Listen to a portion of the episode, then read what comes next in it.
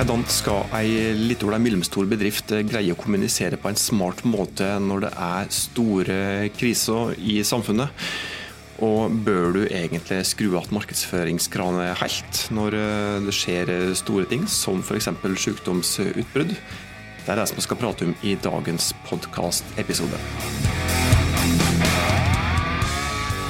Hei, jeg heter Tormod Sperstad. Dette er podkasten der eh, du, som eh, forhåpentligvis jobber i ei eh, litt bedrift, uten altså altfor store ressurser til verken penger eller gedigne, dedikerte markedsføringsteam, hvordan du kan ta ulike grep for å få bedrifter di til å stå på litt stødigere økonomiske bein.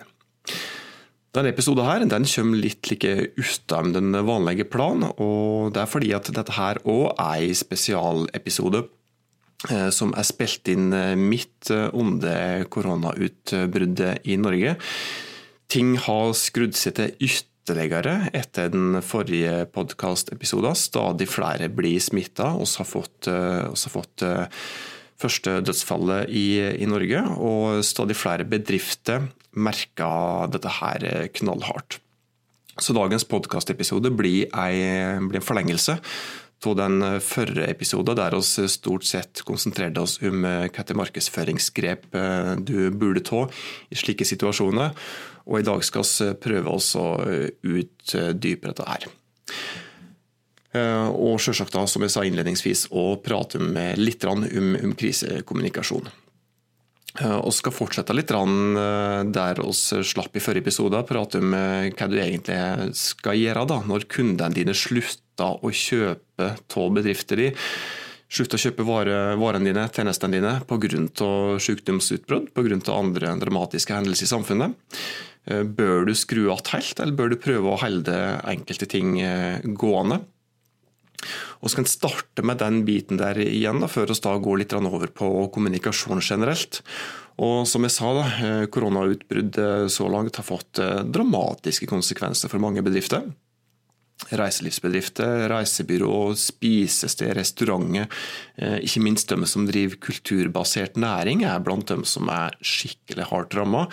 Men òg andre næringer har for alvor begynt å merke konsekvensene. Dette kommer jo da til å spre, spre seg enda mer etter hvert som denne krisa eskalerer.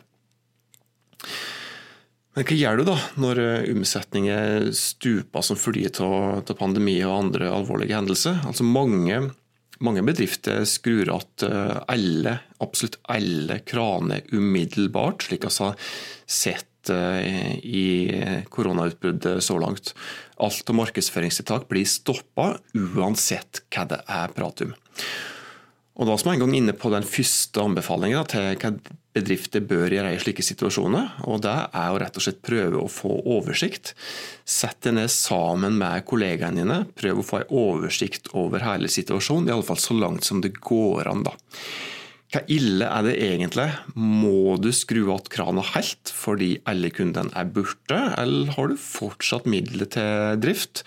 Har du mulighet til å bruke litt ressurser på markedsføring, enten det er prat om krone kroner og øre eller personal? Dette er det første som du må se på. Og Som en forlengelse av dette her, så er det òg eh, en anbefaling at eh, markedsavdelingen din, eller de som jobber med markedsføring, markedsføringsbudsjettet ditt, er noe av det som du bør prøve i alle fall å skjerme så langt som det lar seg gjøre. Du må huske på at det kommer bedre tider etter slike situasjoner, og da bør du være rigga og klar til å møte kundene og konkurranser på nytt. Og dette handler heller ikke bare om ren markedsføring for å tjene penger, i alle fall ikke på stuttsikt. Dette her handler også om hvordan du skal kommunisere om det er krise og Det er gjerne fagfolk i en markedsavdeling som sammen med bedriftsledelsen bør være best egnet til dette. her. Og det er da en av de andre grunnene til at du bør, bør sette av både tid og litt eh, penger så langt det går an på å prøve å skjerme markedsavdelingen, rett og slett for at dere skal være i stand til å greie å kommunisere ut på en eh, fornuftig måte i slike situasjoner. Etter at du har fått eh, noenlunde oversikt, så bør du gå gjennom de kanalene som du allerede bruker. Hvilke kanaler ser ut til å gi mest igjen for innsatsen så langt? Eh, hva har du mest igjen for det du bruker? Og Her bør du ta en kikk i de analyseverktøyene som du har tilgjengelig. Ta en kikk i eh, Google Analytics, det er kanskje det første hvis du bruker det. Der får du fasiten på dette. her. Ta en kikk i statistikkverktøyet i de ulike sosiale mediene som du bruker. Eh, se på trafikken du har på nettstedet ditt. Hvilke kanaler kommer trafikken din fra? Hvilke deler av nettstedet ser ut til å være mest besøkt eh, akkurat nå, selv i en slik situasjon Analyser for å få full oversikt, iallfall i den grad det går an da, i slike, slike ekstraordinære situasjoner. Du bør òg gå gjennom budskapet i de kampanjene som du kjører, både de betalte kampanjene og ikke minst i det innholdet som du for øvrig publiserer i ulike kanaler. Hvis du f.eks. er en, eh, akkurat nå, en reisearrangør som annonserer for eh, mattur til Beijing, sikkert ikke så mange som gjør det nå, eh, men uansett, kanskje hvis du er et reisebyrå som kjører kampanje på vårskitur til alpine, ja, da bør du absolutt tenke deg om og sterkt vurdere å moderere dette salgsbudskapet ditt her. altså. Dette gjelder òg i de fleste andre kampanjer eller kommunikasjon som fokuserer på rent salg, i alle fall i nær framtid. I stedet så bør du prøve å fokusere på det som ligger fram i tid. I innspillende stund og så er det vår- og sommersesong som står for døra. Eh, er det reiselivsbedrift, så bør du nok kanskje da fokusere mest på høsttrafikken og andre sesonger som ligger lenger fram i tid, da, i litt distanse fra denne situasjonen som også er midt oppi nå. I alle fall når det gjelder rent eh, salgsfokusert budskap. Og kanskje aller viktigst, slik situasjonen er når det står på som verst, eh, ro ned alt av salgsfokusert eh, kommunikasjon generelt sett. Og fokusere i stedet på å publisere innhold med mjuke verdier. Innhold som inspirerer. Eh, ganske nøytralt innhold. da. Kontekst er stikkordet her òg, som i all annen kommunikasjon som du skal drive med, og all annen markedsføring også som du skal drive med. I krisesituasjoner kan det rett og slett virke provoserende på målgruppa di når du pusher salgsfremmende budskap.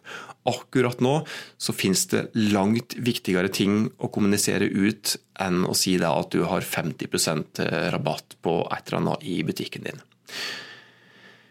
Hvis du har satt opp en eh, publiseringsplan fram i tid, når det gjelder spesielt tidsplanlagte innlegg, for du har jo mulighet til å tidsplanlegge innlegg på bl.a. Facebook og Instagram og LinkedIn og andre kanaler. Hvis du setter på en publiseringsplan fram i tid, så bør du ta en ekstra kikk i budskapet på disse her som du har lagt opp til. Er det noe i eh, det visuelle som er tenkt publisert, eller i teksten som er tenkt publisert, som kan virke umusikalsk og legge ut om det er nasjonale kriser som dette her, da bør du så absolutt sette innlegget dine på vent, alternativt justere innholdsstrategien din. Etter at du har vurdert effekten av dagens tiltak da, og sett deg opp mot den økonomiske situasjonen og da også sett på daglig kommunikasjonen din, så har du to veivalg. Alt etter hva du har tilgjengelig av penger og personalressurser. Hvis du har penger, så bør du, som vi prata om i forrige episode, fortsette å bruke litt av ressursene på det som beviselig ser ut til å fungere. Litt avhengig av produktet ditt, men slutt i alle fall ikke å bruke søkemotormarkedsføringskroner og penger på tiltak som fokuserer på de øvre og midtre delene av kjøpstraktet, de delene der det handler mest om oppmerksomhet, interesse og vurderingsfaser. Altså i de fasene der du ikke pusher salg. Som jeg sa tidligere, Du skal ikke pushe salg når krisa står på som verst, men fokuser på tiltak i de øvre og midtre delene av traktet.